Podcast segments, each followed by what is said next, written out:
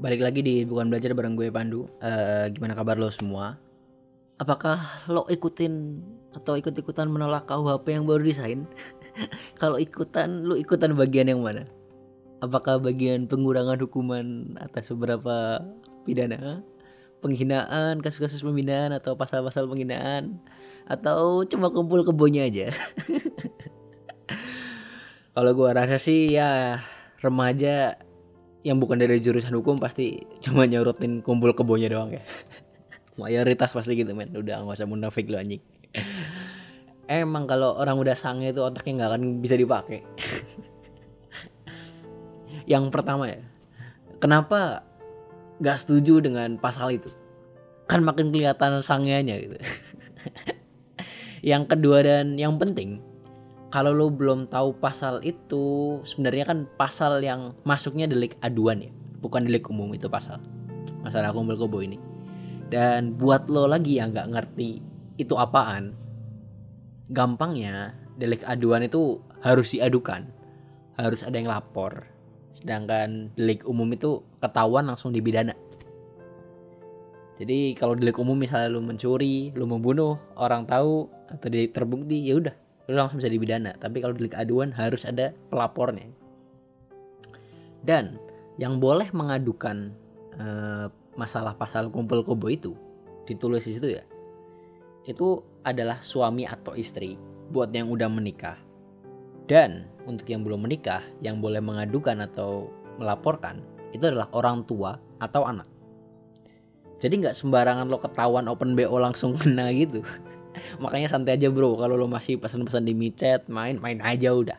Tapi ya minta izin orang tua lo dulu lah biar gak dilaporin.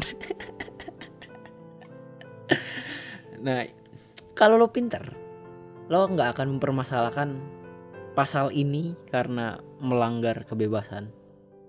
Yang lo permasalahkan itu adalah ukuran kapan orang tua atau anak ini boleh melaporkan anak atau orang tuanya ini ke uh, ke polisi atas pasal ini atas pasal kumpul kebo karena orang dewasa yang statusnya belum kawin itu kan harusnya udah punya kebebasan memilih termasuk kebebasan memilih seksualnya kan kehidupan seksualnya.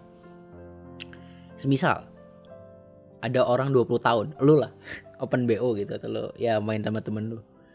Menurut gue orang tua itu udah nggak berhak untuk ngelaporin anaknya pakai pasal ini karena lo atau anak yang 20 tahun nih termasuk dewasa gitu kan. Nah kalau di bawah umur barulah orang tua itu boleh ngelaporin menurut gue dan ini pun berlaku sebaliknya ya. Kalau misal ada anak 12 tahun eh, katakanlah ibunya udah meninggal gitu. Terus orang tuanya tinggal bapaknya aja. Nah si bapak ini kumpul kebo lah ya open BO segala macam. Gua rasa ini anak pantas buat ngelaporin bapaknya sendiri. Karena misal dia nggak keurus bapaknya ngewe terus nggak keurus gitu nggak dinafkain bapaknya. Tapi kalau posisi si anak ini udah 20 tahun terus bapaknya ngewe lagi ya menurut gue itu anak udah nggak berhak gitu udah dewasa men. Harusnya kan dia udah paling gak ya bisa cari makan sendiri lah. Nggak perlu dinafkain bapaknya kan jadi emang ukuran atau tolak ukur kapan orang tua atau anak ini boleh melaporkanlah ini yang masih rancu gitu kan ini nggak jelasin. Nah kalau di Australia misalnya anak di bawah 18 tahun hilang dari rumah walaupun baru satu jam nih itu udah dinyatakan hilang sama pihak berwajib dan langsung dicari. Orang tuanya lapor sejam yang lalu anak saya hilang. Langsung dicari langsung dinyatakan hilang. Nah kalau udah di atas 18 tahun orang tua lapor anaknya nggak ada di rumah polisi itu udah nggak bakal nyari lagi. Alasannya ya karena ini anak udah dewasa mungkin pergi dari rumah itu bisa jadi pilihan dia keputusan seorang dewasa gitu loh seorang yang udah dewasa.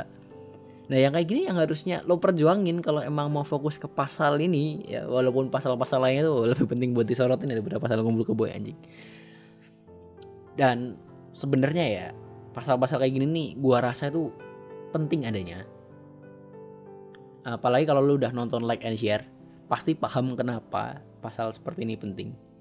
Terutama ini berfungsi untuk kasus-kasus di Indonesia yang udah terjadi ber mungkin belasan tahun. Misalnya kasus pemerkosaan yang selama ini nih banyak ujungnya atau diselesaikannya itu dengan cara menikahkan pelaku dan korbannya di mana itu kan nggak pernah menyelesaikan masalahnya. Pelaku akan terjadi pelaku korban tetap jadi korban cuman mereka tinggal satu rumah kan aneh banget kan.